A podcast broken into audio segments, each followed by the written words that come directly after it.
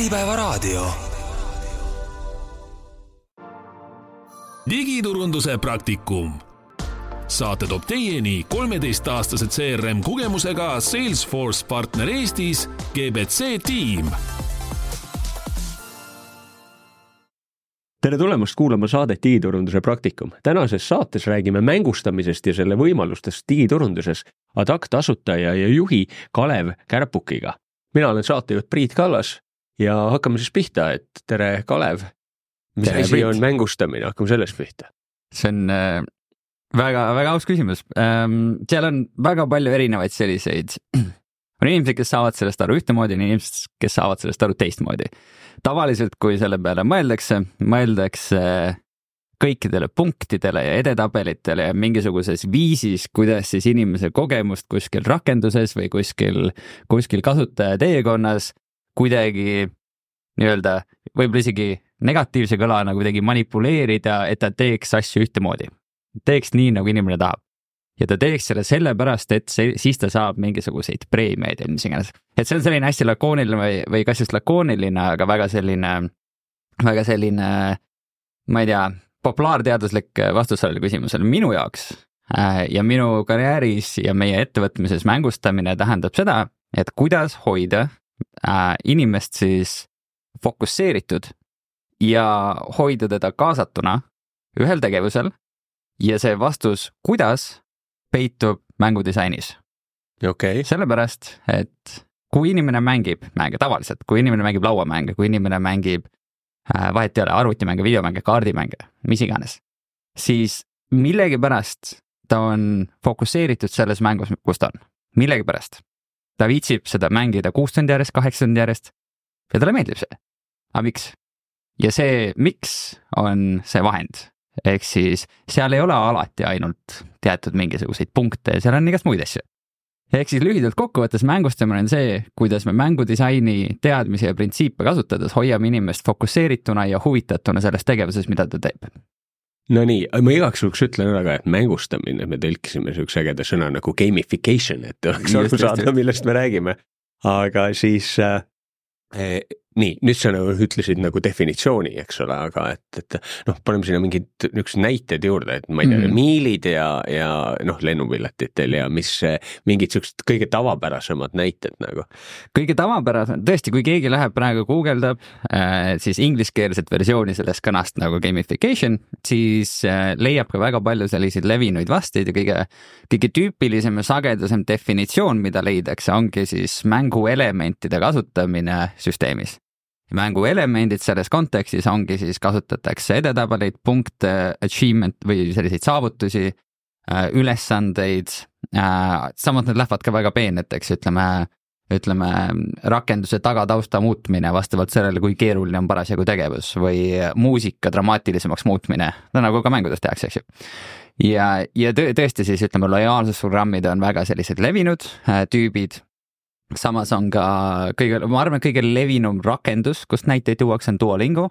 Äh, kui keegi teab või ei tea, see on keeleõppeplatvorm, eks ju, kus on samuti inimestel väga palju äh, igasuguseid siukseid järjepidevuse punkte ja muud säärast um,. ja, ja tihtipeale veel ma hoiataks nagu seda, et kui paljud guugeldavad, mis see on ja, ja ma tean ka, et ma tean põhimõtteliselt enamikke neid artikleid, kus kajastatakse mängustamise näiteid ja mina ütlen käsi südamel, et enamik nendest ei ole mängustamine et, et on olemas mingisuguseid, mingisuguseid näiteid äh, küll äh, sellistest avalikest näiteks klaveritest, kus siis inimesed saavad peale hüpata ja mis iganes.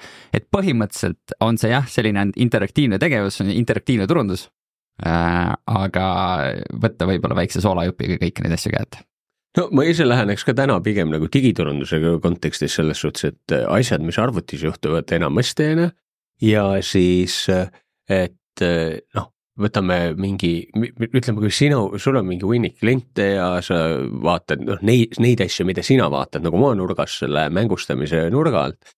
et milline ta tavaliselt välja näeb või ütleme, kuidas seda asju inimestel põnevaks tehakse?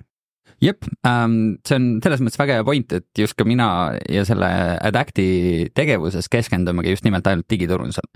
ja ja seal on nüüd kaks sellist, kaks sellist alternatiivi.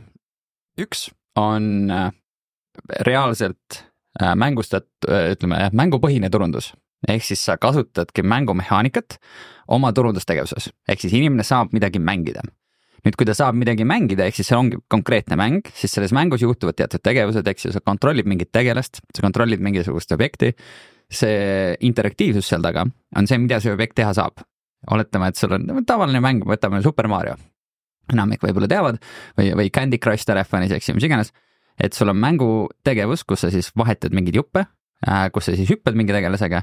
aga nüüd seda saab kasutada turunduses, kui kõik objektid, mis selles mängus on äh,, räägivad sinust ja need põhjused, mille pärast sa teed neid asju, räägivad sellest tootest. Näiteks, kui sa võtad, ütleme, sa tahad mängus, läbi mängustatud äh, või mängupõhise turunduse reklaamida näiteks Duracelli või, või noh, mis iganes äh, patarei. ja sa tahad keskenduda sellele, et see kestab ülikaua. ja see on see sõnum, mis sa tahad edasi anda nüüd, kui sa lihtsalt kirjutad kuhugi välja, et see kestab väga kaua, see on küll tore, aga me teame küll, kui palju on inimeste selline tähelepanuvõime täna. aga samas, kui sa teed mängu, mille eesmärk on joosta nii kaua, kui sa saad. Ja, ja mida kau-, kau-, noh, mida kauem sa jooksed, seda rohkem punkte sa saad. aga lõpuks läheb see nii raskeks, sa enam ei jõua, eks ju. siis see annab edasi seda, et näed, selle patareiga on see vastupidavus suurem, sest sinu vastupidavus mängus on suurem. ja, ja võib-olla noh, võtad siis, see on see, see tavaline patarei, eks ju, millega siis on oluliselt raskem mängida. ja siis, kui sa vahetad oma tegelast, vahetad selle Duracell'i vastu, siis sa tunned, et on oluliselt kergem mängida eks ju. okei okay,, me päris sama, sarnase mõttega me kunagi tegime sellise mängu, kus vot saab neid, neid siukseid plaate ringi keerata ja seal on mingi pilt peal ja mhm, siis pead kahekaupa neid nagu ära saama, eks ole. Reversi vist on selle nagu ingliskeelne nimi see on, kas, kas sa mõtled memorit? võib-olla memory, mis iganes, aga noh, ühesõnaga, et saad paare kokku, eks ole, mälu järgi. ja siis tegemist oli äh, mingi mm, toiduainete tootjaga, kelle toiduainetest sai võileibu teha ja siis need olid erinevad võileivad, eks ole. mäletan äh, just hiljuti oli veel, ma ei tea, kas me võime ettevõtte nime.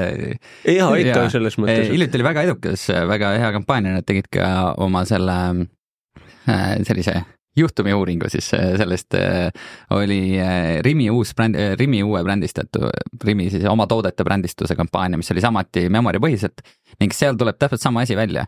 Ähm, sa kasutad mängumehaanikat, aga miks sa kasutad seda memory't, miks sa ei kasuta midagi muud? nüüd antud juhul sa tahad edasi anda seda, et inimestele jääks uus bränd meelde ja viis, kuidas uus bränd meelde jääb, on see, et sa näitad, inimene fokusseerib sellele uuele brändile võimalikult kaua, võimalikult interaktiivselt ja ta on alati selles tegevuses sees ja tal on võimalik näidata võimalikult palju erinevaid kategooriaid. ja korduste arv annab selle tulemuse, et yeah. see pealuusisse kraabitakse aga, aga vot siin ongi noh, mida mina ütlen äh,, selle mängustamise võlu tegelikult, kas, kas eksisteerib ükski teine näide, ükski teine turunduse viis, mis sa oskaksid mulle kuidagi äh, välja mõelda, kus inimene on alati fokusseeritud selles tegevuses, alati fokusseeritud kogu selles äh, turundussisu lugemises ja õppimises ja ta teeb seda sellepärast, et ta tahab no jah, võin küll, et kui, vaata, kui ma otsin endale lahendust mingile asjale, päriselt otsin mm -hmm., noh, ma ei tea, uut lumelauda näiteks siis ma lähen Google'isse, siis mm -hmm. ma mhm. otsin Google'ist lumelauda ja siis, kui sa viid mu mingisse sellise sisuturundusahela peale mm, -hmm. mis kogu aeg vastab mu küsimustele mm, -hmm. siis, siis ma olen kogu aeg fokusseeritud. ja see on see, et sul on juba äh, olemas eelnev, eelnev tahe on olemas, eks ju, siis, siis on muidugi, siis sa viitsid tõenäoliselt lugeda kolm lehekülge seda läbi, eks absoluutselt. aga nüüd võtame näiteks sellesama Rimi kampaania kui suur eelnev eh, tahe või soov on huvitav, ma tahaksin endale meelde jätta kõik selle Rimi uue brändi, eks ju nüüd see ei ole nüüd ja noh, peamine vahe tuleb sisse siit, et tehakse seda, ütleme, häirivate pop-up idega, tehakse, me surume sulle igalt poolt selle peale, eks ju ja siis sa võib-olla, ütleme, keegi pakub sulle kümme protsenti allahindlust, eks ju, siis sa tahad seda kümme protsenti allahindlust, aga sa ei taha võib-olla seda seda äh, õppimist, eks ju. mul üks selline küsimus, et noh, võtame sama memory mäng, eks mm -hmm. ole, nii uh, palju ma seda ikka mängin või kas ühesõnaga, et selles mõttes, et noh, ütleme nii, ma mängiks võib-olla Counter Strike'i või midagi, on ju, aga et see memory mäng ei ole võib-olla see, no lihtsalt, et uh -huh. kas, kas seal on, ütleme, mäng ise on ju standardne, lihtsalt see, mis seal, seal sisend on, eks ole, et see on nagu erinev, et on seal ka, ühesõnaga räägi, kuidas see on, et äh, kas see on lihtsalt see, et mõnedele inimestele meeldib memorit mängida, olenemata sellest, kus see on või, või noh, ühesõnaga, millised mängud töötavad ja kuidas seda üldse vaadata, mis tööle panna seal? see on selles mõttes äh, väga hea küsimus, ma just üritasin otsida ka, ma arvan, et ma mingi moment võin selle üles leida, mis sa arvad, mitu korda keskmiselt üks inimene mängis seda? Mitukümmend, ma arvan, on see või sada umbes jah ja, et kuna on... noh, vaata, ma olen ise teinud, siis ma tean, et muidu mm, -hmm. muidu ma arvaks väiksema numbri tõenäoliselt. ja, ja ma arvaksin ka alati keskmine, ütleme, kui me võtame kõik erinevad kampaaniad kokku, mis me oleme sellises mängulises äh, setting us teinud või mis meiega on tehtud nii-öelda, siis tõesti keskmine on kakskümmend kuni kolmkümmend korda aga üks mäng, ühe mängu keskmine pikkus on seal kuskil viiskümmend sekundit. mis tähendab, no ütleme no, suur, keskmiselt, keskeltläbi minut.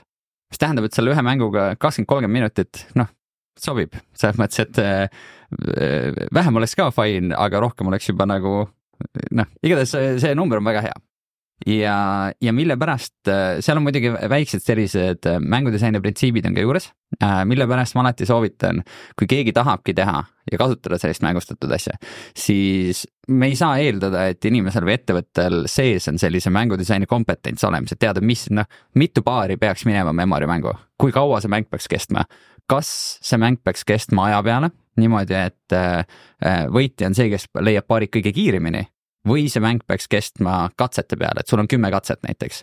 ja need on kõik sellised otsused, mida tegelikult äh, ei saa eeldada, et ühelgi inimesel nagu, kui sa ei ole game design valdkonnas sees, et sa tead, kuidas neid teha. ja see tuleb ka, ütleme, meie tarkvara eripära ongi see, et me teeme võimalikult palju selliseid otsuseid sinu eest ära. ja, ja sellised default otsused on juba tehtud äh,, mistõttu ei saa nagu liiga palju pange panna. aga, aga jah, igatahes äh, üldiselt, mis ma enne ka hakkasin veidi mainima, et, äh, et minu jaoks on, ütleme, mängu mängimine ja ka mängustatud turunduses kaasas käimine või selle, selle kasutamine on ikkagi ainukene kord, kus sa oled samal ajal fokusseeritud ja samal ajal sa teed seda tegelikult vabatahtlikult, sul ei ole vaja pop-up'i. kui sa näed äh, kuskil reklaami, et pane ennast proovile või vaata, kas sa saad üle saja punkti, siis sa ei lähe sinna kuidagi vastumeelsed. kui sul, kui sa oleksid vastumeelne, sa võid iga kord ära minna, sa võid alati jätta mängimise pooleli. aga mille pärast sa ei jäta? millegipärast, kui sa alustad, siis meie completion rate ehk siis äh, see tõenäosus, et inimene, kes alustab, teeb kogu mängu läbi, on keskmiselt üheksakümmend kaheksa protsenti. Äh, tihtipeale olenevalt mängu sellest äh, olemusest, ta võib olla ka vahepeal kuuekümnendates, aga ma ütleks, keskmine on üheksakümmend viis, üheksakümmend kaheksa, midagi sellist ja seal on muidugi omaette nagu põhjused, mille pärast ei jäeta pooleli, tekib selline kaotuse vältimine äh,. sul on juba mingi progress tehtud äh, ja sa tead, et kui sa jätad selle pooleli, siis sa jääd oma progressist ilma äh,. sealt tuleb ka sisse, mille pärast on sellises ähm, äh, konverteerimises või auhindade kasutamises, et kui sa saad auhinna kätte, mille pärast on nii palju efektiivsem on see, et läbi selle elamuse sa tunned, et sa võit-, mitte ei tunne, aga sa faktiliselt võitsid midagi ja sa võitsid selle oma tegevuse pärast. kui keegi annab sulle niisama, sa kõnnid tänaval ringi ja keegi tuleb, annab sulle flaieri, et tule minu ööklubisse. ja, ja kui sa selle flaieriga lähed, saad kümme prossa alla, siis see ei ole nii suur tõenäosus, sa lähed, sest sa ei teinud mitte midagi selle nimel, et see flaier saada. aga iga mängustatud sellise mängustatud tegevuse eest auhinna saamine on välja teenitud. ja siis tekib, kui sa seda ei kasuta, siis sa jääd sellest ilma, sa jääd oma võidust ilma.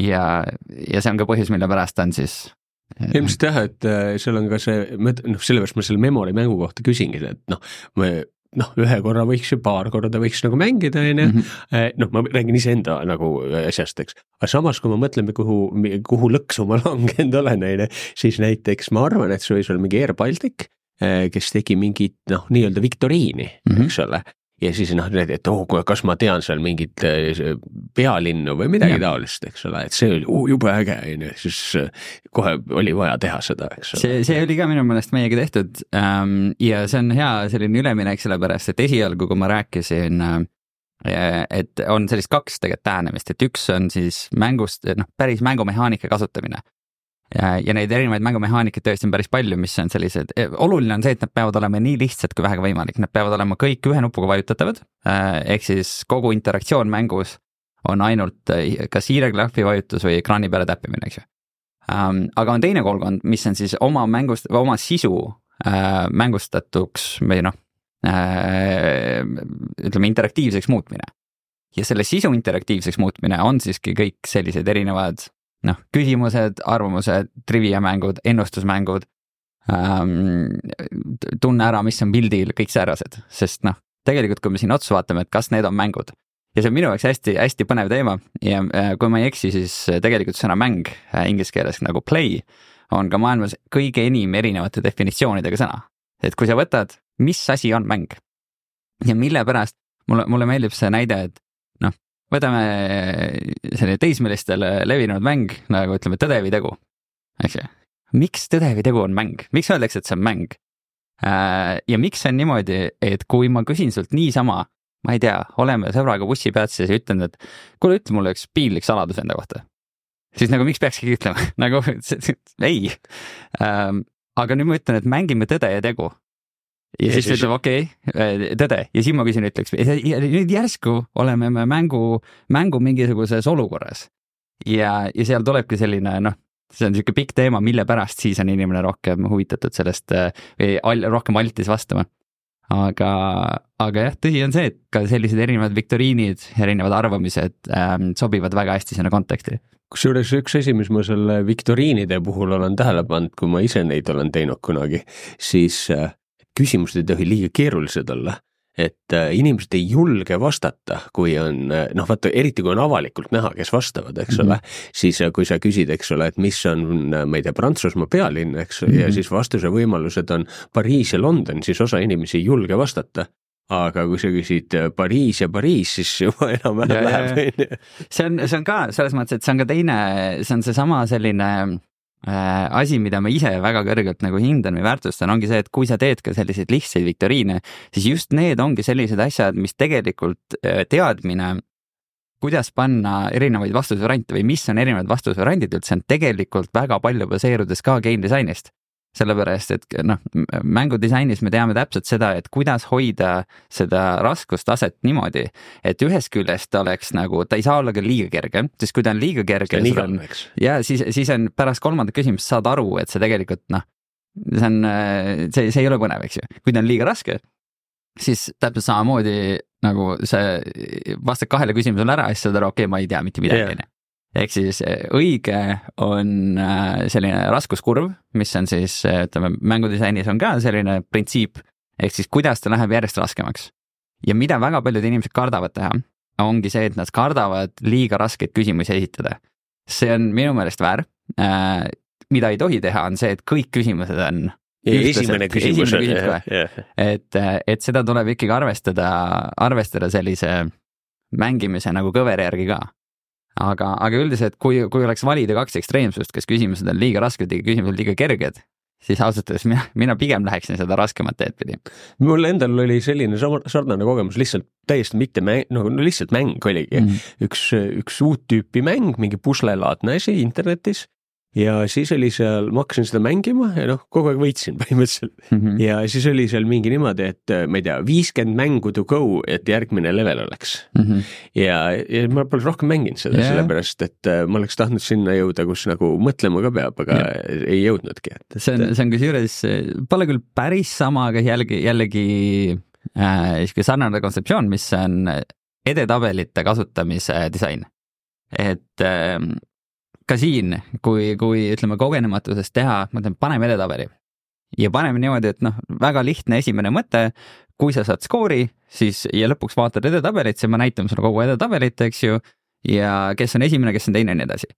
aga kui sa teed seda, kui, kui su mäng võimaldab mängida niimoodi, et sa saad väga palju punkte, eriti siis, kui me räägime, ütleme, konkreetsest mängust, et noh, Trivias on, ütleme, sul on kümme küsimust, eks ju, maksimaalne on kümme, siis veel aga kui see on mäng, mida sa saad mängida hästi ja mäng, mida sa saad mängida väga-väga hästi, siis tekib efekt, kus sa esimest korda teed mängu läbi ja siis sa saad kuuskümmend punkti, mis iganes, ja siis vaatad lõpuks edetabelit, esimene koht kakssada kaheksakümmend kuus tuhat punkti, eks ju.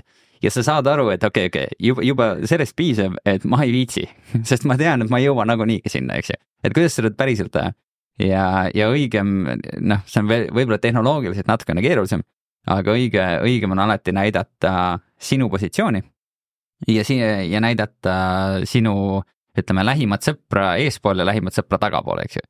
noh, alati seda ei saa teha. Äh, ja siis, kui näidata isegi nagu sellist top kolme või mis iganes, siis seda võib näidata.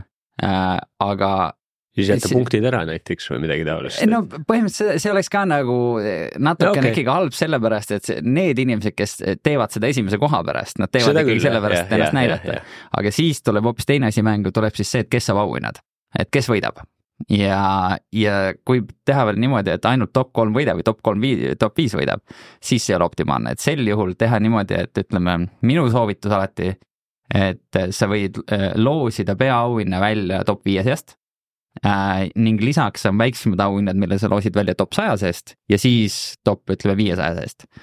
seal on veel põhjuseid, miks me oleme väga palju seda näinud.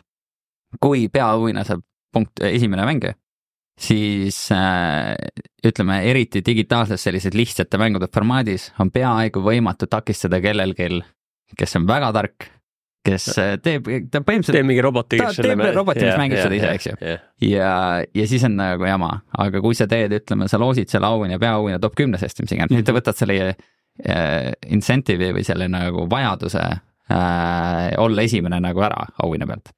Üks äh, huvitav asi, mis seal on äh, psühholoogia raamatutest tuleb välja, et äh, juhuslikud auhinnad on ka head asjad, mis inimesi kinni hoiavad, et kus ongi näiteks noh, on mingi päevaauhind, mis läheb juhuslikult või siis see on see, et kui sa mängid, mängid, mängid, siis järsku mingi täiesti random on ju, juhuse valikuga tuleb sulle mingi noh, kas päev, väike mingi boonus mm Mhm. -hmm. või päev, päevaauhind et kui auhinnad on ootamatult esitatud, siis inimesed jäävad nagu äh, ütleme nii, et lõksu sinna või nii, eks jah. jah, see on, see on nagu siis ütleme rohkem relevantsem, kui me räägime mängustatud süsteemist, mis on niimoodi, mis on, ütleme kuhugi äppi või tarkvarasse on sisse ehitatud selline nagu mängu selline, ma ei tea, kuidas eesti keeles öeldagi, selline loop ehk siis selline tegevuste jada, mis hoiab sind kuskil sees, eks ju. ja see on tegelikult see valdkond, kui tavaliselt räägitakse mängustamisest, siis tavaliselt räägitakse sellest, tavaliselt mõeldakse, et, et see ongi see et kui sa kasutad seda äppi, eks ju, siis seal sees, äpi sees olevad tegevused annavad sulle midagi, eks ju. ja seal on täpselt äh, see, mis sa mainisid, et sa nagunii kasutad seda, aga mingi hetk ähm, võib-olla sa nagu hakkad ära langema ja siis tuua sind tagasi selliste asjadega. nüüd see ei ole otseselt valdkond, mida või selline strateegia, mida sellises lühikeses digiturunduses kasutada saab, õigemini ma isegi võib-olla ei tahaks kasutada selle, sellepärast et see võtab ära selle asja, mille eest mina väga tugevalt seisan on see, et kõik need lahendused, mängustatud lahendused, mida digiturunduses me sellise minutiliste asjadega, minutiliste interaktsioonidega kasutame äh,. minu põhimõtte kohaselt ei ole kunagi kellegi lõksu meelitamine, vaid see on alati see, et kui keegi tahab äh, osaleda, siis ta osaleb enda vabast soovist ja, ja sellepärast, et tal on meeldiv seda teha. ja, jah, väga palju küsitakse seda, et kui palju on see nüüd manipuleerimine või, või mis iganes. ja ma, mina ütlen väga kindlalt, et äh, null, et kõik sellised, kasvõi needsamad memory mängud. noh, keegi ei tee seda sellepärast, et keegi hoiab sind seal mäng- mängus sees, et see on, see ei ole niimoodi, et, et sa saad auhinnal, auhinnaloosis osaleda ainult siis, kui sa oled selle sada korda mänginud, näiteks. no siis oleks see, et noh, nüüd ma tunnen, et mind manipuleeritakse sinna mängu sisse, et ma pean seda sada korda mängima. et äh, kõik sellised strateegiad minu meelest on sihuke väike piir, kus ma nagu ei taha nii, nii väga üle minna. aga selge, enne me jäime natuke pooleli sellele, et ärme inimesi lõksu püüa, aga siis lähme siit edasi, et et millist, no ütleme, kes võiks üldse sinnapoole vaadata, et, et, et üldse hakata mängistamist kasutama, kas kas on midagi, mis välistab mingi inimeste arv, noh, ühele inimesele võib-olla ei ole mõtet mängu teha või noh, ühesõnaga ühest poolt, et kes, kellele see võiks olla eriti sobiv ja teiselt poolt võib-olla, kes, kes see võib-olla ei ole nii sobivad. jah, kõige sobivam on ta ikkagi ähm, selliste B2C, ütleme jah, tarbijatele suunatud äh, toodetel ähm,. selline lühend on inglise keeles nagu FMCG, mis on siis fast moving consumer goods eesti keeles ehk siis nagu noh, kiirelt või noh, tarbekaubad, ütleme ähm,. ja, ja seal on, sellepärast on see kõige sobivam, et sa ühest küljest see asi, mida sa müüd, seda on kõige rohkem, eriti ütleme toiduainetel on tegelikult minu silmis kõige rohkem erinevaid viise, kuidas neid omadusi mänguliselt väljendada. ja teiseks, su sihtgrupp ongi noh, väga-väga suur hulk inimesi. teine kõige suurem, ütleme konkreetne kliendisegment, kellel, kes kasutavad nüüd kõige rohkem, kõige paremini, on telekomettevõtted. ehk siis jah, väga spetsiifilised telekomettevõtted ja, ja üllatuslikult minu jaoks tegelikult on ka suht palju finantsi, mis on erinevad krüptoettevõtted, erinevad pangad. ja pankadel isegi on ju vaata need oma mingid rahapäevikud ja värgid, mille mm -hmm. peal nad seda ehitavad, et kus on päriselt su oma raha taga, eks ole Yeah. ütleme üldiselt, mida mina jällegi väga ei soovita noh kunagi teha, ma kunagi töötasin New Yorgis sellises ettevõttes nagu Dopamiin ja seal me tegime mm, näiteks Keurigile, et Keurig on üks maailma kõige suurem kohvitootja. sinna me tegime uue lojaalsusprogrammi ja põhjus, miks me tegime selle lojaalsusprogrammi uuesti, oli see, et eelnev programm, mis neil oli äh, läks noh, seda hakati täiega ära kasutama ja põhjus, miks seda hakati ära kasutama, oli see, et nad andsid võimaluse punktide eest, et sa andsid võimaluse, et kui ma ostan su tooteid, siis nad saavad vastu teatud boonuspunkte. ja boonuspunktide eest sai vahetada midagi, neid boonuspunkte sai vahetada asja vastu, millel on rahaline väärtus, ehk siis uus kohvimasin. aga nüüd see on automaatselt esimene äh, punane lipp, kui sa annad millegi välja, millel on rahaline väärtus või siis raha ise asjade eest, mis sa saad välja teenida niimoodi, et sa raha sisse ei pane ja sa saad seda tegevust korrata, siis sada protsenti, kui mingit asja, ütleme, kas see peab vastu ka sellele, kui seda skaleeritakse. ehk siis, kui inimene mitte ei tee kümme ega kakskümmend korda, aga kui ta teeb seda sada tuhat korda yeah. ja mingi moment läheb katki ja see on ka see, mille pärast üldiselt ma kunagi ei soovita ühtegi raha ega midagi välja anda. raha osas äh, oma kogemus täiesti lihtsal lojaalsusprogrammiga, lihtsalt osta ja saad raha, noh, selles mõttes mm. seal oli äh, mingi suhteliselt hea äh, noh, niisugune piiraja, on see, et sa saad maksta punktidega umbe, vist oli poole summa ulatuses, eks mm. -hmm. ehk siis, kui, kuna nad müüsid ka seda nii-öelda tarbekaupa, kus kate on tegelikult üle poole, eks mm -hmm. ole, siis see, see tekitas lihtsalt seda, sa pidi selleks, et need raha kulutada, selleks sa pidid äh, ise ka panema midagi mm, -hmm. eks ole. See, kusjuures ma võin korraks selle näite läbi rääkida, ma ei usu, et see on nagu super relevantne enamik võib-olla Eesti ettevõtetele, aga seal oli äh,, mida igatahes tehti, oli see, et äh, no mõte oli sama, sa pidid ka ostma, et saada neid punkte, eks ju, aga äh, USA-s siis oli väga suur hulk inimesi, kes äh,, kelle oma linnas ei olnud Keurigi edasimüüjat, eks ju ja mida nad tegid, oli see, et nad ostsid kõik need asjad, ostsid Keuriga ametlikult lehelt, võtsid enda juurde ja panid enda väikses külas püsti Keurigi poe, litsenseerimata, mis iganes. Ja nad hakkasid sedasamad asju, mis nad sealt ostsid, müüsid sama hinnaga edasi. aga terve aeg, kui nad ostsid, siis nad said vahelt ju neid punkte. Yeah. ja nad said vahelt ka siis võtta neid kohvimasinaid. Ja nad müüsid oma peas kohvimasinaid ka, aga sealt nad said juba sajaprotsendilise marginaali ja noh, see, see oli lihtsalt see, võib-olla Eestis ei ole nii relevantne äh,, aga, aga no Eestis on lihtsalt see rahvaarvu probleem, et sa ei saa just, seda tõenäoliselt väga nagu tulusa ärina käima panna, eks. aga, aga üldiselt väike soovitus, kõik, kes teevad lojaalsusprogramme, kõik, kes teevad selliseid punkti asju, on faktiliselt äh,, aga on üks eraldi teadustöö, mis uurib seda, et kuidas mõjutab käitumisharjumusi või lojaalsusprogrammi kasut-, punktide kasutamise harjumusi, kui need punktid on näiteks, kõik punktid on sada korda rohkem ehk siis selle asemel, et sa saad ühe euro eest ühe punkti, saad sa ühe euro eest sada punkti. siis alati on parem sada punkti ja see on päris suur vahe, ma ei mäleta peast enam, kui suur vahe see on. aga, aga väga lihtne reegel, suuremad numbrid töötavad paremini. Äh, siia kõrvale kohe teine uuring, et äh, mingid tüübid vaatasid seda, et nad andsid autopesule Äh, nagu kümme, et kümme, et kogu kümme punkt, kümme templit, eks mm, -hmm. siis saad tasuta autopesu ja siis, kui nad andsid tühja kümnese lehe, sii- versus, et nad andsid kaheteistkümnese lehe, kus nad ütlesid, aa, me paneme siia kaks templit kohe ära, siis see, kus nad äh, said nagu kaks tükki boonuseks, seal oli tulemuseks see, et äh, mitu nädalat varem jõuti selleni ja tihedamini pesti ja, ja, ja nii edasi. just seal, see oli, see oli Bostonis oli tehtud see autopesulise uuring ja seal tõesti tuli välja, et mitte ainult ei ole see, et äh, seal oli neli punkti, mis olid kõik positiivsed tulemused, esiteks inimeste sagedus, kui kiirelt nad läksid järgmisse pesulasse. alg-, esimesed kolm olid umbes samad ja siis hakkas kiirenema. Äh, kasvas see, et kui palju üldse redeem iti. ja, ma ei mäleta jah, mis need teised olid, aga jah, kõik ja seal ma olen ka näinud, äh, Circle ka on väga palju, teeb sama, samat asja, minu arust see on väga õige, selle nimi on, kui keegi tahab guugeldada, selle nimi on endowment progress. Äh, eesti keeles ma olen üritanud ka sellele väljendit otsida, aga ma ei tea, ütleme, see reegel on see, et kui sa annad inimesele mingi näilise progressi ette, äh, siis on suurem tõenäosus, et ta lõpetab selle kogu töö ära.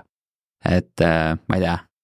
aga selle, kui sa alustasid sellest, äh, et noh, tarbekaubad on kõige suurem, noh, selles suhtes, et neil, neil on ka kõige suurem raskus vaata, et olla huvitav tegelikult, eks mm -hmm. ole. aga ma olen ise märganud, märganud aja jooksul tähele pannud, progejatele näiteks, et noh, see on nagu siis nii-öelda personalitöös, eks mm -hmm. ole, et sul on mingi challenge, sa pead äh, tegema mingi, mingi progemisülesande ära lahendama ja sellest saad punkte ja, ja siis mm -hmm. on mingi tulemus. ja teine asi, mida ma nägin samamoodi oli personalitöö värk oli see, et ma enam ei mäleta, mis see täpne detail oli, aga ühesõnaga inseneridele ja see mingi superkeerulised ülesanded niimoodi, mhm. et eh, noh, me ei saaks isegi küsimusest aru sellel, selle, aga siis, kui sa küsimusest aru saad, siis sa oled õige inimene yeah.. ja muidugi noh, ütleme Ameerika kaliibris või noh, maailma kaliibris sul on seal selliseid inimesi on tuhandeid, nii et sa saad juba seda ka mm. mängustada, eks jah, mulle väga äge näide, mis mulle meeldib, on äh, kunagi oli selline tarkvara nagu Fantasy Sales Team, mis müüdi Microsoftile maha siis kaks tuhat kaheksateist ja mida nad tegid, oli ülesanne oli see, et kuidas sa saad kogu, et kogu ettevõtet, kuidas saab kogu ettevõtte kõik inimesed olla kaasatud müügiedusse, müügitegevusse. Ja mida tehti, oli siis see, et kõik inimesed ettevõttes, alates äh, koristajatest kuni direktoriteni ja mis iganes, kõik said koostada enda siis sellise fantaasia müügimeeskonda mis siis, kus sa siis valisid, ma ei tea, USA-s on hästi levinud, on see fantaasia korvpallimeeskonnad ja kõik see teema, eks ju. aga mõte on see, et sa valid oma ettevõttes siis müügiinimesed, kes on sinu meeskonnas virtuaalselt nii-öelda. ja siis need tulemused, mida need müügimeeskonnad teevad või müügiinimesed individuaalselt teevad, äh, mõjutavad siis sinu sellise fantaasiatiimi nagu ranking ut. ehk siis kõik koristajad, programmeerijad, kõik inimesed, neil on oma meeskond ja nad kõik elavad kaasa müügiinimestele ja mul on minu meelest fantastiline kontseptsioon. see on ähm, küll jah, ma ja. ei, ma ei ole sellist Emmastaval kombel varem kuulnud. Ja, ja see tundub nagu jaa, see, see oli kohe vau jah, aga jah, palju tehakse muidugi neid müügivõistlusi, mis iganes, eks ju, aga siis sa lõpuks ainult müükarid ise on huvitatud sellest, eks ju, ja siis sul tekib alati see, minu meelest kõige ägedam asi selle lahenduse juures, kui sa teed müügivõistluse, siis väga tihti on see, et ütleme, need kõvad vennad on alati ripus ja tekib seesama edetabeli näide, mis ma enne rääkisin, et kui need, kes ei ole nii kõvad, teavad nagunii, et need kõvad vennad võidavad, siis alumised ei ole enam motiveeritud. aga kui sul on nüüd ülejäänud inimesed ka nagu selja taga, siis sa oled motiveeritud juba ka nende teiste inimeste jaoks tulemusi tegema, sest sa ei taha teisi alt vedada ja teiseks selles, nüüd me saame mängulises kontekstis panna juba boonuseid juurde, et inimesed, kes on, ütleme, allpool, nende kordaja on veidi suurem või mis iganes, mis tähendab, et inimesed, ülejäänud kontoritöötajad tahavad sind rohkem valida, isegi siis, kui sul on halvemad tulemused, sest sa tuled oma boonustega. ja no üks asi, mida muidugi saab äh, teha, on see, et selge, et müügis on lõppkokkuvõttes tähtis maks, noh, see totaalne raha, mis sealt mm -hmm. tuleb, eks ole, aga sa võid mõõta ju ka progressi nagu selles mõttes, et kui sa eelmine aasta müüsid sada tuhat, on ju, ja teine tüüp müüs mill, on ju, kui tema müüb üks koma kaks nüüd ja sina mm -hmm. müüd üks sada kolmkümmend on ju, noh, mis iganes, seal võib seda skaleerida neid numbreid, aga mm -hmm. see võib ka olla. absoluutselt. et, et jah, et saab läbi mõelda igasuguseid asju ja, ja müügivõistluse kohta küll on see, et seal peab nagu auhind olema ka nagu niisugune nagu põnev, eks ole, selles suhtes, et ma olen ise võitnud mingeid müügivõistlusi kunagi ja siis noh, auhinnaks oli mingi, mingi Pastakas. tehnika jube, ei ikka päris üle kaks-kolmsada euri mingi jurakas on ju. aga lihtsalt, et noh, kuna numbrid tegelikult selles võistluses endas olid ikka sadades mm -hmm. tuhandetes on ju, siis see oli nagu meh seal, eks ole. üks väike jälle sihuke mm, nõuanne ka inimestele, kes, sest et väga palju küsitakse, väga keeruline teema on see, et mida anda auhinnaks siis, et sa teed oma mängustatud lahenduse, turunduse ähm,. aga mis siis nagu välja loosida ja kas peab alati midagi üldse välja loosima või auõnneks andma? siis minu vastus sellele on esiteks ähm, üheksakümmend üheksa protsenti ajast ma midagi soovitaks alati ikkagi välja anda, aga me teame ka päris kindlasti seda, et ei ole vahet suures pildis, kas see auhind on väärt kümme euri või see auhind on väärt kaheksakümmend euri äh, minu meelest oli kümme kaheksakümmend oli jälle tsiteerides sellist anonüümset uuringut, mida ma ei oska nüüd välja tuua enam ähm, inimeste hulk, kes äh, osaleksid sellel võistlusel siis, kui see auhind on kaheksakümmend euri, aga ei osaleks, kui see on kümme euri väärt. Ähm, see on väga marginaalne vahe. Äh, seega nagu see, kui suur väärtus inimese jaoks sellel auhinnal on, ei ole isegi nagu nii suur mäng, nii suur, noh, ei mängi nii suurt rolli, seni kuni midagi on. ja, ja seal ei pea üldse, mina soovitan, pange pange mingisugune kink, kümne eurone või kahekümne eurone Euronixi kinkekaart või mis iganes eh, tarbekaup, noh, enda toodete kinkekaart, juba piisab, et ei pea üle, üle võlli minema ja no oma toodete puhul on ka see, eks, et see oma toode sinu jaoks maksab vähem, kui ta nagu näiliselt selle võitja jaoks. tavaliselt kõige, kõige keerulisem ongi just nimelt see logistiline kulu, eks ju, et ja. kuidas lõpuks inimesele auhinna kätte saab, et, et kui me selle saame ka digitaalseks tuua, et ähm, noh, meil on niimoodi, et meie süsteemis me saame täpselt ära rääkida või ära määrata, et need inimesed, kellel on, ütleme, on mänginud nii sel ajal, saanud nii palju punkte, et loosi ainult nende vahel auhind välja, saada neile automaatselt email, kus on see unikaalne kood, eks ju, et see on kõik automatiseeritud. et seda logistilist just ähm,. nojah, rahalises mõttes, et äh, kunagi ühe kohvipoega sai tehtud kampaania ja seal oli peaauhinnaks oli tuhat kohvi, eks hmm.. et noh, see kohvi ise, see tops maksab sellele tegijale mingi paarkümmend senti võib-olla, eks ole. ühe inimese jaoks ta võib-olla kolm euri tükk või midagi taolist ja kui sa vaatad tuhat tükki, kolm tuhat euri, aga oma kulu on seal mõnisada, noh ütleme võib-olla viissada, eks ole. aga selliseid, ähm, selliseid äh, tarbekaupade, ütleme toidukaupade näiteid meil on nagu päris palju ka olnud, üks, mis mul on väga meelde jäänud äh,, mulle hästi meeldinud, oli, tuli üks Läti ettevõte, mis ta oli, ma ei oska hääldada, Adjuju või mis iganes, krõpsud põhimõtteliselt, kartulikrõpsud ja siis nemad esialgu tahtsid teha siis hääletust, et mis toode võiks tulla tagasi poodi. Neil on hästi palju erinevaid tooteid, mis on poest läbi käinud, nagu ikka toidukaupadel tihti on. ja, ja seal oli siis mingisugune viisteist äh, erinevat maitsega krõpsupakki. mõtlesid alguses, et teevad Google Formsi ja inimesed siis saavad hääletada nüüd alati iga, iga, iga inimene, kes mõtleb teha ka hääletusi tagasiside kogumist ja mõtleb Google Formsi või Typeformsi peale, siis, siis on objektiivne tõde on see, et see ei ole kõige optimaalsem viis, kuidas seda teha. et äh, inimene tuleb sinna, ta näeb ühte pikka vormi tihtipeale see on väga nagu, ei ole väga atraktiivne, lisaks sul on null brändistust, see on lihtsalt, sa saad, minu jaoks Google Formsi kasutamine sellistel asjadel on nagu selline gümnaasiumi lõputöö nagu tase, eks ju äh,. aga minu jaoks veel olulisem on see, et kui palju andmeid sa sealt kätte saad üks inimene tuleb, vastab ühele, et mina tahan, et see toode tuleks tagasi. see noh, saab paremini ja kuidas nemad siis said paremini, oli see, et selle asemel, et sa viid Google Formsi, nad tegid meiega siis sellise ähm, mängu, mis põhimõtteliselt nägi välja nagu Tinder. et sa nagu swipe'id vasakule või paremale, eks ju, ja küsimus on see, kas sa tahaksid, et see toode tuleks tagasi poodi.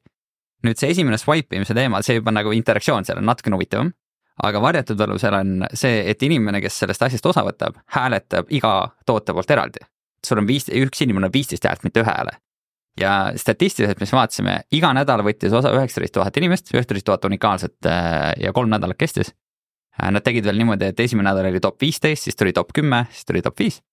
ja kui inimene oli mängu läbi teinud, siis lõpuks tuleb edetabel kõikidest toodetest ja sa näed praegust hetkeseisu, mille peal on kõige rohkem hääletatud ja nüüd sa nagu võib-olla kutsud, et sa näed, et sinu toode on teisel või kolmandal kohal, sa nüüd kutsud teisigi hääletama ja selle läbimise protsent oli seal samuti üheksakümmend kaheksa protsenti, ehk siis kõikidest üheksateistkümnest tuhandest inimest iga nädal, kui keegi alustas ja kusjuures bounce rate ehk siis nagu tõenäosus, keegi alustas äh,. ja ei läinud lõpuni äh,. isegi see, et keegi tuleb lehele ja läheb sealt ära okay., selle tõenäosus oli kuus protsenti. ehk siis, kui keegi tuli lehele, siis ainult kuus protsenti inimesed nagu üheksakümmend kuus inim-, üheksakümmend neli inimest sajast vajutas ka start ja nendest sajast inimesest, kes vajutasid start, üheksakümmend kaheksa tegid kõik läbi, eks ju, andsid kõik hääled ja, ja mille pärast siis, mille pärast see nagu nii toimib? noh, esiteks seal on palju ka seda, et äh, sa oled huvitatud näha, mis tuleb järgmiseks, eks ju. Äh, kui sa teed ühe swipe ära, siis ta hakkab ju seal kaardi tagant hakkab järgmine piiluma. ja ühest küljest sa oled huvitatud sellele hääle andmast, aga teisest küljest sa tahad näha, mis tuleb ka veel edasi. sa ei saa sellist efekti mitte kunagi, kui sul on üks pikk vorm. see on jah väga, väga hea point selles suhtes, et ka selle pikkade vormidega on see, et noh, kuna ma olen ise turundaja ja mm. mõnikord, kui ma neid vorme saan, siis ma okei okay,, no olgu mm, ma siis täidan ära, onju ja siis sa jõuad ja vajutad ja vajutad ja vajutad, noh, kui on veel mitu lehte nagu mm, -hmm. eks ole. ja siis, kuule, aitab küll, et ma mm -hmm. panen kinni selle ja. ja, te, ja, ja tead, mis siis juhtub, mis on minu jaoks, me, me tulime alles paar kuud tagasi tulime välja selle funktsionaalsusega, mis minu jaoks nagu on täiesti game changer. on see, et oletame, kujuta ette, et sa teed seda pikka vormi äh, ja sul võib-olla öeldakse, et selle vormi täitmine võtab kümme-viisteist minutit aega ja sa jõuad kolmandale lehele ja siis vaatad, et kolmandal lehel tulevad need pikad tekstiküsimused, enam ei viitsi, paned kinni siis kõikidel nendel asjal, kõik see info, mis sa andsid, on läinud. jaa, täpselt. see tuleb täpselt. ainult siis, kui sa oled lõppu võetud submit. ma just ise yeah. olen ka alati mõelnud, et huvitav, kas nad on nii taiplikud, et nad salvestavad iga lehe ära yeah.. meile, meie puhul ei ole isegi ka nende swipe'ide küsimustega, ei ole isegi see, et iga leht, äh, kui sa vastad neljale küsimusele, lähed ära. siis kirja, kõik need neli lähevad kirja ja see hiljem saad analüütikas siis vahetada, kas sa tahad neid arvestada või sa ei taha mm -hmm.. pluss sa saad need eraldi sisse võtta. et näiteks, et sa võib-olla ei taha arvestada ainult neid, kes on vastanud, ütleme, sa paned esimesed kaks küsimust paned mingi suvalised ja sa näed, et kui nad pärast seda ära läksid, siis ära enam nende vastuseid võta, aga kui nad vastavad kaks ära ja siis vastavad kuus veel, siis võta kõik need ka arvesse. mis on nagu minu jaoks ka nagu nii kaotatud potentsiaal, kui seda ei kasutata.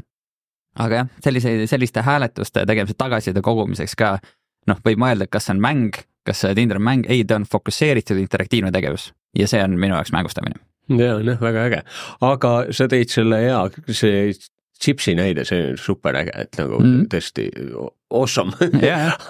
aga midagi veel, äh, mingid asjad, mida äh, võiks mõelda, et saab katsetada mingit, kas juba lihtsalt lisada kampaaniale või siis nii, et kampaania ise ongi mäng mm, -hmm. eks ole jah, no ütleme neid mängu, neid, mis mänge kasutada, neid on ka selles mõttes, et olnud hästi olenevalt tootest nagu siis mida noh, kunagi tegi näiteks mammal oli ähm, need uued pannkoogid või mis iganes ja siis, kui sa mõtled, et mida saab nagu visuaalselt mõtle, milline pannkook välja näeb, eks ju, ja kui sa kujutad ette nagu, et eriti ütleme, USA on see noh, pikk pannkoogitorn, eks, või pühapäeviti pannkoogi hommikud, eks ju, kus MES-i siis toovad laua peale su pikad torni pannkooke, eks ju.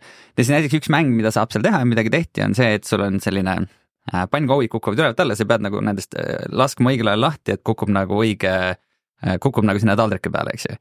ja siis mäng läheb veidi ka kiiremaks, ehk siis sa pead nagu õigel ajal vajutama, et ehitada võimalikult pikk torn nendest pannkookidest, eks ju. jälle minu jaoks väga hea näide, sellepärast et esiteks annab väga hästi edasi seda ettekujutust, mida üldse teed, sa saad aru, et see on see kogu see pannkoogi temaatika, eks ju. teiseks seal, seal mängus oli minu meelest keskmine aeg, kui, kui kaua inimesed mängisid, olid seal kuskil nelikümmend pluss minutit, aga need, kes mängisid kõige kauem, mängisid kahe nädala jooksul seal kakskümmend, kolmkümmend, nelikümmend tundi. Ähm, mis on ka nagu ja kusjuures me nägime ka seda, et tol ajal meil ei olnud võimalik äh, kampaaniat nagu nii-öelda pausile panna või nagu ähm, või vähemalt võib-olla oli, aga seda ei pandud kunagi, et noh, reklaamid võeti taga ära ja mis iganes ja, ja siis me nägime, et sadades inimesed mängisid ammu edasi. Tulid lihtsalt aadressi järgi kohale. ja tulid aadressi järgi, me tegelikult me ja, nagu ei kommunikeerinud seda aadressi kuhugi, aga neil oli bookmargitud või mis iganes ja ikka tuleb ülipalju mängimisi seal. et, et seda tehakse palju või seda selliseid nagu ja seal ongi, et võib-olla iga näide on väga spetsiifiline sellele tootele, küll aga ma arvan, et kõige levinumad asjad, mida tehakse ähm, on äh, väga sellised lihtsad, ongi loosimised, loosirattad ja kõik see. nüüd ma. ma selle koha pealt küsin, et kas seal on mingi vahe ka või noh, ütleme, kui palju see noh, kui on väga lihtne, siis vaata engagement ja nagu see kaasamine on nagu madalam, eks ole. ja kui on keeru-, no mul on tunne vähemalt mm -hmm. selline, lihtsalt näide, et kunagi ma tegin, seesama kohvi näide oli, eks, see oli loosiratas mm -hmm., sisuliselt rulett on ju. Mhm. ja, ja sealt tuli küll nagu tohutult mängimisi mm, -hmm. aga pärast, kui sa pidid nagu järgi minema sellele, eks ole, siis nei-, see noh, see, see oli ikka noh, suhteliselt väike, aga no sa pidid muidugi füüsiliselt minema sinna kohvipoodi ja võtma ja. selle kohvi, eks ole. aga see engagement nagu hiljem oli suht madal, et. jah, eks seal ongi see, mida minu meelest ka paljud, äh, ma näen seda viga suht palju või, või ma ei tea, kas öelda viga selle kohta, aga ütleme, see mõtteviis et eh, turundus lõpeb sellel momendil, kui inimene noh, mõõdetakse, ütleme seda pealevajutamise protsenti. et see, kui inimene vajutas sinna reklaamile peale, siis hiljem me teeme mõõdiku, et kui edukas see oli vastavalt sellele, kui mitu inimest sinna vajutasid, et click-through rate, eks ju. mis on nagu turund-, see ei lõppe ära pärast seda. no turundus ikka lõpeb pangas. ta, ta, ta lõpeb siis ära, kui jah, päriselt, kas siin, kas sul on mingi mõõdik, kuidas ja kui keegi teab, kuidas mõõta brand awareness'i numbriliselt, siis palun andke mulle teada, isegi chat GPT ei tea aga, aga ta lõpeb jah siis ära, kui sa oled oma eesmärgi saavutanud. Ja sinu eesmärk, kui sellel samal kohvi asjal eesmärk on see, et ta saab selle auhinna kätte või noh, ma täpselt ei tea, mis see eesmärk on sii- ja ta näed ja on näha, et seda ei juhtu, siis jällegi tuleb nagu midagi muud juurde panna. ja, ja noh, ma, raske on võib-olla öelda ilma selle täpset näidet nagu teadmata aga see ongi üks, üks väga tugev, ma arvan, et seal oleks pidanud olema teistsugused auhinnad, või see kontseptsioon oleks pidanud olema teistsugune selles mõttes, et kui selle auhinna realiseerimine nõuabki noh, ise järgile minemist ja see selline takistusbarjäär äh, on ikkagi piisavalt palju suur. ei, aga selles mõttes ta oli, see eesmärk iseenesest oli äh, nagu õige, et kokkuvõttes oli päriselt oligi eesmärk see füüsiline tegevus, et ta mm. noh, sa tõenäoliselt enamus jaetarbijatel on, eks ole, et noh, okei okay,, mõned ostavad online ka, aga ikkagi enamus jaetarbimist käib koha peal tullakse jala kohale ja siis ostetakse, et seal ka oli, see oli eesmärk. ma soovitaksin sellises puhul kasutada jällegi psühholoogiast äh, ja turundusest väga palju inimesed teavad äh, sellist kontseptsiooni nagu inglise keeles, kui keegi tahab guugeldada loss aversion, see on kaotuse vältimine. Äh, tehke niimoodi, et sa saad auhinnaks, ütleme, tuhat kohvi. aga kui sa tuled järgi, see võib olla veidi kahetsusega mõõk, äh, sul nädal aega järgi, kui sa tuled pärast, ütleme teisel nädalal järgi, siis sa saad kaheksasada kohvi. kui sa tuled kuuendale, siis saad kuussada, nüüd see on üks viis, sellest saab paremini, sellepärast et see on see, et inimesed tunnevad, et neilt võetakse midagi ära, eks ju. tehke vastupidi, ärge võtke inimeselt midagi ära, vaid öelge, et sa said auhinnaks tuhat kohvi või vabandust, et sa said auhinnaks äh, kaheksasada kohvi. aga kui sa tuled esimesel nädala järgi, sa saad pluss kakssada tasuta meie poolt juurde. ehk siis annad talle rohkem. See on täpselt seesama nagu eelmises selles, selles äh, kohvi või see autopesura näites. summa summarum, et kõik jääb samaks, inimene saab täpselt sama palju. sa annad talle natuke nagu kommi peale. sa annad, sa annad talle juurde mm -hmm. jah, selle asemel, et võtta ära ja see on alati väga tugev asi, mitte kunagi ei tohiks kelleltki välja teenitud asja ära võtta ja, ja siis jah, sõnastage see niimoodi, et. ja selles suhtes küll, et vaata noh, kui punktid aeguvad ja kõik see, alati on negatiivne tunne tuleb sellest, eks ole, aga nüüd meil hakkab vaikselt lõppu jõudma, et äh, otsade kokkutõmbamiseks, et on sul veel midagi öelda, et enamus tõenäoliselt ei ole gamification'it ja, ja mängustamist ju kasutanud, et, et mm -hmm. kuidas pihta hakata või mida ma noh, ühesõnaga, mõtleme ja. nagu selles suhtes, et, et kui ma ei tea, kas nad tulevad sinu juurde või teevad omale Google Formsi või kuidas sellega minna? üldiselt minu, minu soovitus on alati see, et, et äh, esimene samm, mul ei ole, mul on väga hea meel inimestele anda mõtteid, äh, kõik kõned, mis me oleme teinud, äh, alati noh, see pole ainult ütleme toote demo või mis iganes, aga igas kõnes, mis ma ka teen, mõtlen, mida te saaksite teha ja siis, kui see asi, mida te taha-, mida sa saaksid teha, mu mõtted nagu meeldivad ja resoneeruvad, siis mul selles mõttes lõpuks ei ole vahet, kas te teete meiega seda või, või, või teete seda käsitsi. Äh, mõndadel on võib-olla isegi olemas äh, mingi äh, valmis arendused kuskilt. tõenäosus on väga-väga-väga suur, et ta läheb väga palju kallimaks ja väga palju keerulisemaks, kui teha seda käsitsi. see hästi palju seoses sellega, et lõpuks sul on vaja siis ütleme arendajat, sul on Disaini vaja neid disainerit ja, ja, ja sul on vaja nagu tegelikult ka seda projektijuhti, aga varjatud asi, mida inimene ei tea, on see, millest me esimeses saate pooled rääkisime. see, et sa pead tegema tegelikult ülipalju väikseid otsuseid, mida sa ei oska teha. mitu punkti annab üks asi, mis sa kokku kogud, kui kiiresti ta alla kukub, kas ta läheb ajas kiiremaks või vähemaks, kuidas teha edetabel, millal edetabelit näidata, millal registreerimisvormi küsida, kas alguses lõpus, ehk siin on hästi palju miniotsuseid ähm,. meie, meie puhul on lihtsalt kõik need asjad juba ära tehtud ja see on selles mõttes kõige lihtsam äh,, kõige lihtsam sisenemisbarjäär äh, sinna maailma. ja teiseks, mida mu soovitus võib-olla on see ähm,, et inimesed tõesti, eriti kui me räägime tarbijast ähm,, me võime ise olla oma turundusele super uhked, sellepärast et meie click-through rate või läbi, läbi vajutamise protsent oli väga kõrge ja meie ütleme, ostu sooritamise protsent oli nii kõrge ja mis iganes, me võime olla üliuhked selle üle, aga teie tarbijad, need on täiesti savi sellest. Need tarbijad, kes hindavad seda, kas see oli minu jaoks hea, hästi tehtud turundus, on puhtalt sellest, mis emotsiooni see jättis see tarbijale ja, ja ärge unustage lihtsalt ära seda, et edukas kampaania ei ole ainult teie vaatenurgast edukas, vaid ta peab olema ka eh, inimese jaoks, kes osales selles edukas ja väga tihti ei, ei saavutata seda ja mängustamisega saab selle saavutada. ja kolmandaks, võib-olla viimaseks, see on valdkond, mida enamik inimesi tõesti ei ole proovinud ega teinud ja sa peadki tegema, kui sa tahad tõesti nagu erineda, sa tahad saada nagu paremaid tulemusi kui enne, siis sa pead tegema asju, mida, mille tulemusi sa ei tea ette. meilt küsitakse ka väga palju, et ütle mulle palju, mitu see protsenti see on kasvab, mis iganes. ma saan näidata kõiki meie eelnevaid case study sid, kus kõik on olnud väga positiivsed aga fakt on see, et ma ei saa sulle öelda täpset numbrit, ma, ma nagu tean, et see on hea. aga kui sa ei, kui sa ei ole nagu tegelikult nõus isegi midagi sellist uut proovima, siis see ongi sellise innovatsiooni surm minu meelest. sest innovatsioon tähendab ju seda, kus sa teed midagi, sa ei tea täpselt, mis on tulemas, aga sa riskid yeah.. aga selge, Äh, ma ise ütleks ka seda, et noh, peaaegu igas valdkonnas on võimalik noh, nagu huvitavaks, põnevaks ja niisuguseks mänguliseks asju teha, nii et äh, mõtle, katseta, vaata, kas saad ise hakkama, kas saad Kalevi abil hakkama. sellega täna lõpetame, aitäh kuulamast saadet Digiturunduse praktikum, kus täna oli külas Adact asutaja ja juht Kalev Kärpuk. Saade on järelkuulatav bestmarketing.ee veebis ja Äripäeva raadiokeskkonnas raadio.äripäev.ee mina olen Priit Kallas ning kuulake meid jälle nelja nädala pärast ja turundusuudiseid lugege bestmarketing.ee-st, kuulmiseni!